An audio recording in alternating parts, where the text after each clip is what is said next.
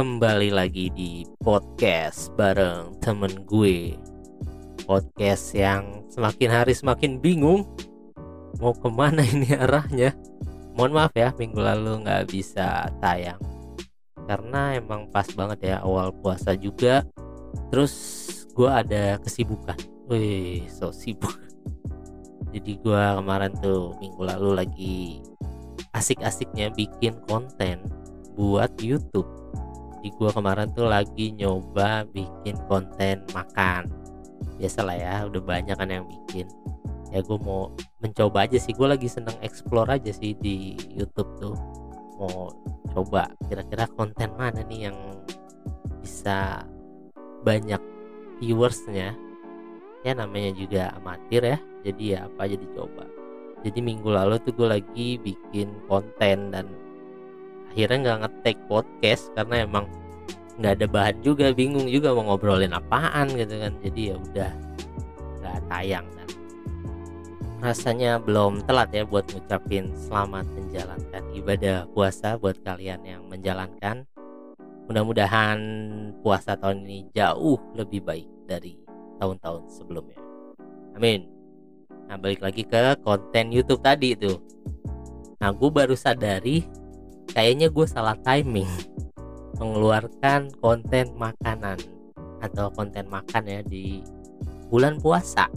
Jadi gue jadi kesulitan sendiri nih kalau mau syuting lagi karena nggak mungkin siang juga kan karena puasa. Walaupun malam ya lo harus pinter-pinter nyari tempat yang oke okay. dan lighting juga kayaknya bakal berpengaruh jadi kemarin kayak gue salah timing tapi nggak apa-apa lah namanya juga uji coba ya kan. Tapi alhamdulillah responnya bagus banyak yang lihat juga. Dan gue sih tertarik buat bikin lagi ya karena emang gue suka jalaninnya gitu gue suka bikinnya tapi karena kayaknya kemarin timingnya kurang pas tapi nggak apa-apa lah. Gue akan coba beberapa konsep lagi juga gitu. Pokoknya gue lagi seneng sih ngulik YouTube gitu kan karena emang masih awal juga baru tiga bulan kayak gue bikin YouTube dan masih pengen explore. Terus apa lagi ya? Oh iya kayaknya nggak lengkap nih kalau kita tidak membahas berita-berita yang sedang ramai. Walaupun gue juga udah nggak terlalu ngikutin sih ya. Karena itu tadi banyak yang dikerjakan jadi ya yang selintas-selintas aja ya kayak demo ya hari ini demo nih. 11 April kan. Gue juga nggak tahu sih ya poin-poinnya apa tapi yang gue tahu sih kayaknya yang tentang perpanjangan masa presiden eh masa eh periode presiden terus IKN kelangkaan dan lain sebagainya. Ya gue berdoa lah mudah-mudahan kalaupun memang ini sebagai sarana untuk menyuarakan suara rakyat ya gue dukung-dukung aja sih. Dan mudah-mudahan pihak pemerintah juga menanggapinya seperti itu ya jangan represif atau terpancing sama pihak-pihak yang ingin membuat ricuh. Jadi capek lah gitu kalau harus ribut lagi ribut lagi ya kan? Ya udah kita tinggalkan sajalah dunia politik yang kayaknya emang begitu-begitu aja. Terus ada lanjutan kasus dia OnlyFans. Ya ini udah lama sih ya yang menyeret nama komika Marcel Widianto. Itu juga lucu sih kalau menurut gue ya. Ada bingung bingung bingung beneran bingung nih gimana ini ya negara ya? Ada gitu orang yang beli. Ya walaupun cuma ditanyain ya itu disebar luasan atau tidak tapi ya aneh aja sih menurut gua orang beli bokep ditanya gitu. Ada. Itu juga aneh yang muncul ya itu di beranda gua. Terus oh timnas timnas futsal. Nih bola nih kemarin udah cukup menjanjikan nih tapi seperti biasa ya nggak tahu kenapa ya Indonesia nih selalu sial di final men. Kita kalah lagi di final futsal AFF lawannya Thailand lagi. Aduh ini kayak dikutuk atau gimana sih ini timnas kita ya? Nggak bola lapangan gede nggak. Futsal sama aja hasilnya. Mungkin para petinggi PSSI ini bisa cari tahu nih kenapa nih gitu? Apakah ada dosa-dosa masa lalu? Ya berlebihan sih enggak, enggak. Atau memang harus ada pembenahan dari federasi? Aduh gua nggak tahu lagi-lagi ya. Gua udah skeptis kayaknya ya sama hal-hal yang kayak begitu tuh. Jadi ya udah nikmatin aja beritanya. Terus ada badminton juga ya tapi gua nggak ngikutin jujur karena emang rame juga tuh di twitter kan. Cuma gua nggak tahu ya karena event badminton kan banyak banget ya. Jadi gua kadang yang gue ikutin tuh paling kayak Olimpiade, Thomas, Uber, pokoknya yang yang skalanya lebih masif aja sih yang gue sering nonton kadang gitu. tapi kadang bikin gergetan men. Kalau nonton bulu tangkis tuh paling gergetan gitu. Bola sih ya karena udah tahu kali ya bola ya harapannya tipis gitu. Tapi kalau bulu tangkis kan harapan menangnya tuh ada tuh. Jadi kalau pemain kita bikin kesalahan tuh kayak gergetannya tuh lebih anjir jangan men gitu. Lo bisa menang gitu. Nah itu tuh yang kadang bikin ya lebih nasionalisme emang lebih tinggi menurut gua nonton badminton ketimbang nonton bola. Nah itu udah tadi ya berita-berita yang ya yang selintas di timeline sosial media gue ya. Yang lainnya gue kurang paham juga kurang tahu juga. Tapi sebenarnya gue punya keresahan. Eh gila. Gila makin tua emang kayak banyak men. Keresahan tuh makin tua tuh makin ada aja gitu.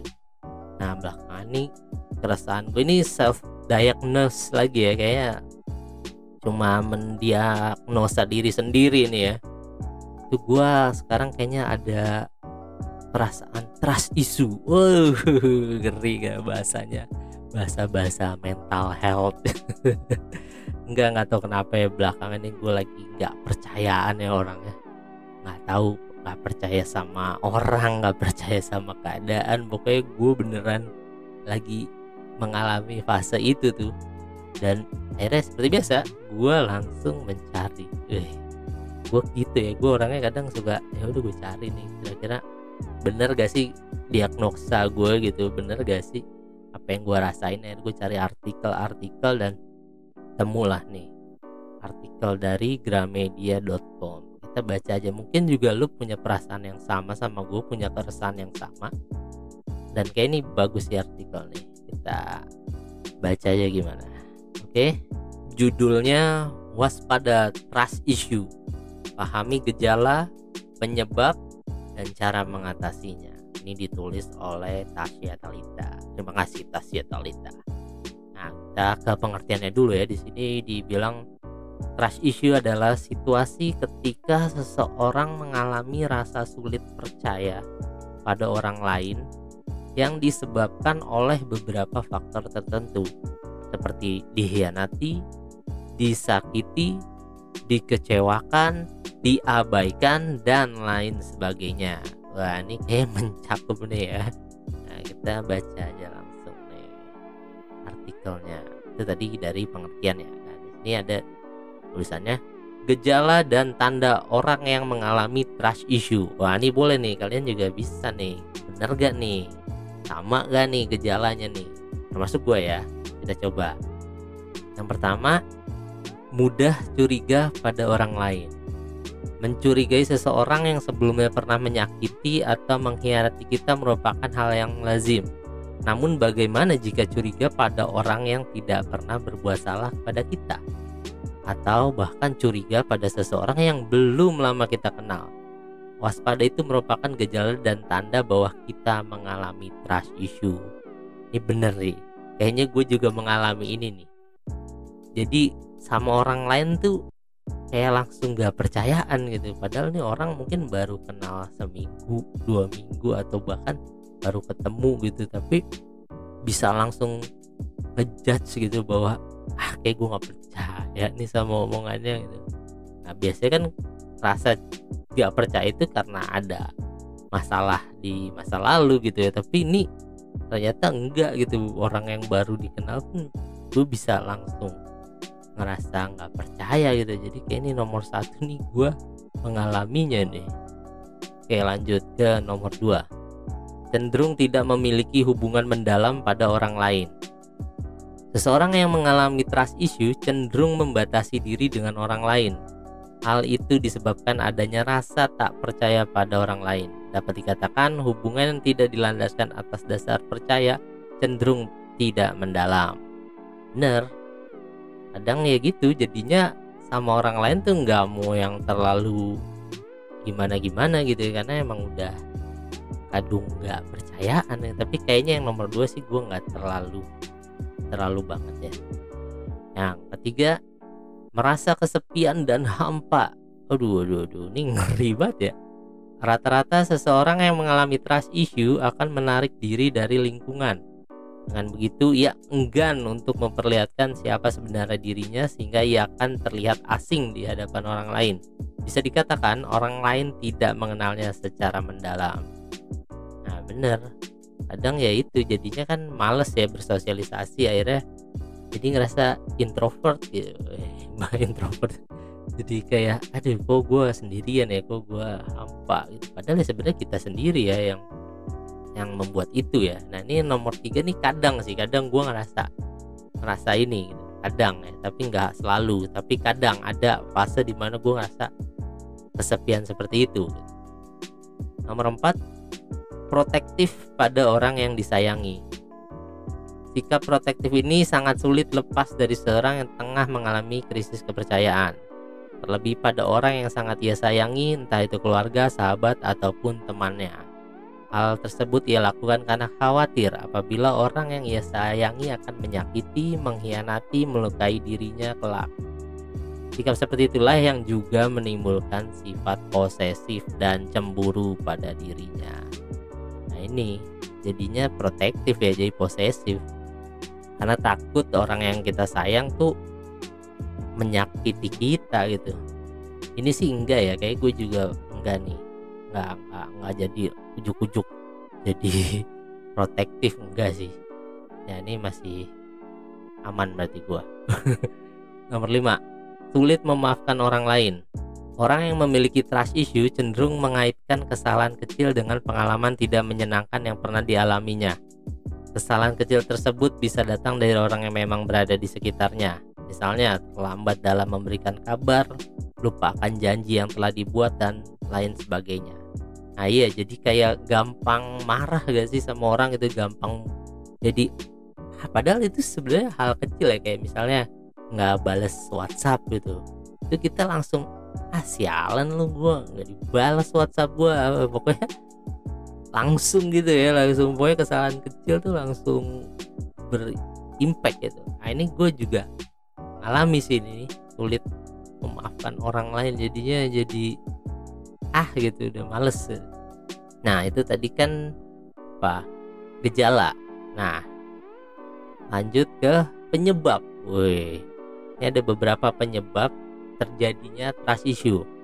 Mungkin ini salah satunya ya yang terjadi akhirnya gue punya rasa atau kalian juga merasakan trust issue tersebut. Yang pertama, pengalaman dari masa lampau. Trust issue tumbuh dari hasil pengalaman seseorang baik itu di masa lalu maupun masa sekarang ini. Di masa lampau khususnya hubungan dirinya dengan orang tua karena orang tualah yang memeran yang memainkan peran cukup besar dalam anak keluarga. Bisa dikatakan keluarga merupakan lingkungan pertama kita tumbuh dan dibesarkan. Apabila seseorang telah mengalami kekecewaan, pengkhianatan, rasa sakit, ataupun pengabaian semasa kecilnya, atau paling tidak semasa remaja, hal itu kan berdampak dan menyebabkan trust issue saat ia tumbuh dewasa. Benar, ini ada benernya nih. Kadang emang lingkungan terdekat dulu nih yang bikin lo akhirnya hilang tuh rasa kepercayaan tuh dari orang tua, dari saudara ataupun temen, sahabat juga bisa sih sebenarnya bukan cuma dari keluarga ya. Pokoknya pengalaman-pengalaman terdekat dulu nih yang bikin akhirnya lo punya trust issue. Yang kedua, kejadian menyedihkan atau menyakitkan Kejadian menyedihkan atau menyakitkan seseorang di masa lalu akan menghadirkan traumatis yang cukup mendalam, bahkan bisa sampai ia beranjak dewasa. Misalnya, ia mengalami kecelakaan, suatu penyakit, ataupun kehilangan seseorang yang berharga di dalam hidupnya. Nah, ini kejadian menyedihkan dan menyakitkan juga bisa bikin lo jadi trust issue punya trust issue nah kalau gue sih kayak enggak nih menyedihkan atau menyakitkan kejadian yang pernah gue alami kayak gue enggak sampai akhirnya punya trust issue dari kejadian menyedihkan nah ini kayaknya yang paling banyak nih. Yang ketiga adalah hubungan asmara. Uh, trust issue bisa juga terjadi dalam ranah hubungan asmara. Sebagai contoh orang yang mengalami trust issue pernah dikecewakan oleh orang yang ia sayangi seperti sering dibohongi, diselingkuhi, atau diperlakukan tidak baik lainnya.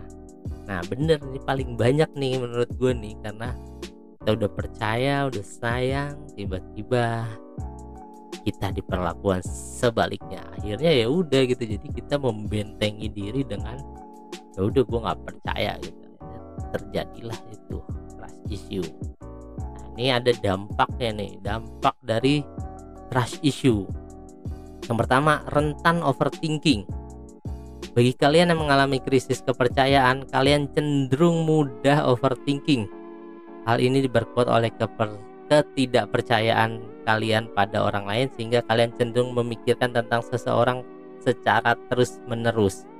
Iya bener. Jadi kayak ajir kayak tadi lah kayak soal nggak dibalas WA gitu. Kita langsung overthinking kan ke orang ini nih jangan dia begini jangan dia jadi semua dipikirin padahal kan belum tentu ya kejadiannya ini bener nih dampaknya nih juga terjadi nih di gua nih rentan nih overthinking yang kedua hidup terasa sepi ya ini sama kayak yang di awal tadi ya Orang yang mengalami issue akan merasakan kesepian yang berarti meskipun dikelilingi oleh banyak orang. Tetapi nyatanya kalian akan merasa sendiri dan sepi bener ini bener sih yang tadi gue bilang gue juga kadang merasakan ini kadang padahal rame gitu ya padahal di sekeliling gue ada teman-teman gue ada keluarga gue tapi tetap kadang ada rasa anjir hidup sepi amat ya gini amat ya hidup ya nah, ketiga merenggangnya hubungan antar sesama apabila kalian tidak mudah percaya pada orang lain atau bahkan orang yang berada di sekitar kalian Orang-orang tersebut akan berpikir bahwa kehadiran mereka tidaklah dihargai hingga akhirnya timbullah kerenggangan hubungan di antara kalian. Nah iya karena mungkin kitanya sensitif gitu ya kan akhirnya mereka yang ada di sekitar kita juga jadi kenapa sih dia orang? Gitu kan. Akhirnya mereka juga menjauh akhirnya jadi renggang gitu kan. Bahaya juga nih. Terus ya ini ada solusi nih. Bagaimana cara mengatasi trust issue atau masalah kepercayaan? Nah coba. Pertama, mencobalah untuk berkomunikasi. Mulailah berkomunikasi layaknya orang pada umumnya. Orang yang mengalami trust issue tentu tetap melakukan komunikasi, hanya saja ia melakukannya dengan memberi sedikit sekat pada orang lain. Namun cobalah untuk melakukannya dengan santai dan jangan berpikir bahwa orang tersebut akan bertindak jahat pada kalian. Bener sih, ini salah satu obat gue juga nih. Ketika gue lagi down, ketika gue lagi males gitu yang udah nggak percaya sama hidup atau lingkungan gitu gue pasti gue keluar makanya kenapa gue bikin podcast dan bikin YouTube itu sebagai sarana gue juga buat berkomunikasi dengan orang lain gitu. Karena dengan keluar dengan ngobrol dengan ya berkomunikasi dengan orang lain itu cukup membantu sih. Jadi ini bener nih salah satu menurut gue cara tepat mengatasi ya mencoba untuk berkomunikasi gitu. Dan stop overthinking sih. Ketika udah ngomong ya udah berusaha untuk percaya aja dulu terus yang kedua nih perlahan untuk terbuka dan bersikap jujur. Kalian dapat menceritakan keluh kesah selama menghadapi trust issue bersama orang terdekat terlebih dahulu. Karena dengan begitu perlahan kalian akan mendapat support system yang akan mendengarkan dan memberikan saran atas apa yang kalian keluhkan.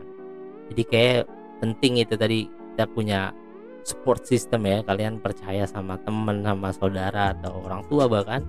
Ya nggak apa jujur aja gitu mencoba untuk terbuka bahwa gue lagi ngerasain ini loh gitu gue lagi lagi lagi overthinking lagi punya trust issue ya coba. Ini belum pernah sih kayak gue ya sesekali ya gue bersikap jujur karena kan dipilih-pilih juga kan ya maksudnya lu nggak mungkin jujur ke semua orang juga kan pasti ada hal-hal yang kayak ini gue bisa nih ngomong jujur sama dia. Ada juga yang ah, enggak deh gitu.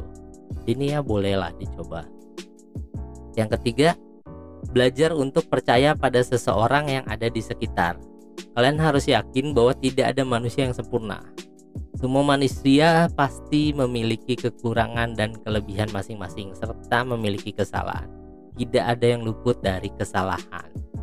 Ya, jadi itu lagi ya balik lagi ke diri kita gitu bahwa kita nggak mungkin lah harus percaya 100% ke orang karena ya mungkin dia juga punya kekurangan gitu. Jadi kita harus bisa menerima itu ya.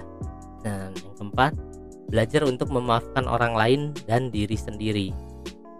Saat dalam proses untuk mempercayai kembali dan proses melupakan masa lampau akibat trust issue ada satu yang penting yang terlewatkan yakni memaafkan diri sendiri dan orang yang pernah terlibat. Manusia kerap sulit untuk keluar dari situasi dan kondisi yang kurang menenteramkan karena salah satunya belum memaafkan diri sendiri.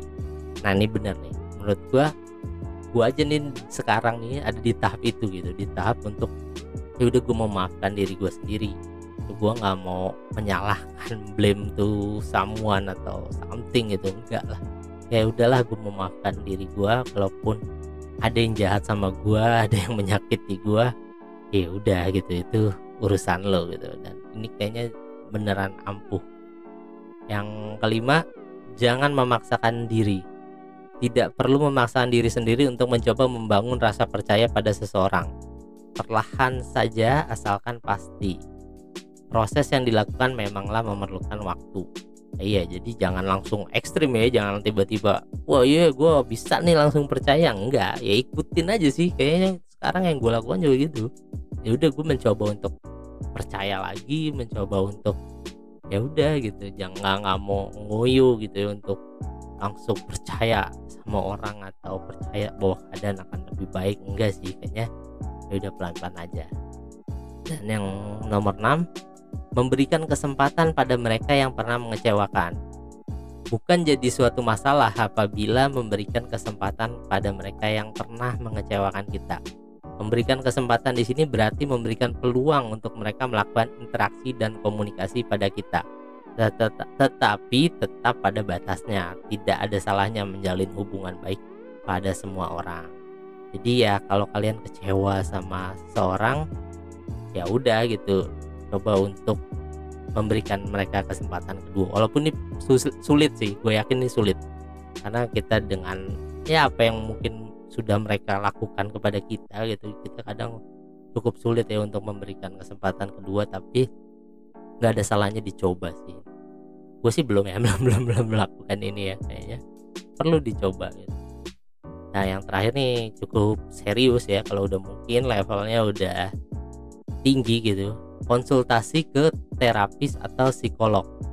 Apabila cara-cara di atas masih terasa sulit untuk kalian lakukan atau jalani, kalian bisa lakukan cara selanjutnya yakni berkonsultasi ke terapis atau psikolog. Dengan begitu kalian dapat menceritakan apa pun secara terbuka dan jujur terhadap yang kalian alami selama menghadapi trust issue atau masalah kepercayaan. Ya iya sih kalau kalian berusaha untuk melakukan tadi hal-hal tadi tiba-tiba kok kagak berasa juga ya kok gue masih punya trust issue nih ya mungkin bolehlah konsultasi ke terapis atau psikolog karena emang atau kenapa ya bawa mental health gitu ya penyakit mental makin ke sini kayaknya dulu tuh gue nggak percaya gitu kayak hal-hal kayak gini kayak apaan sih mental health apa?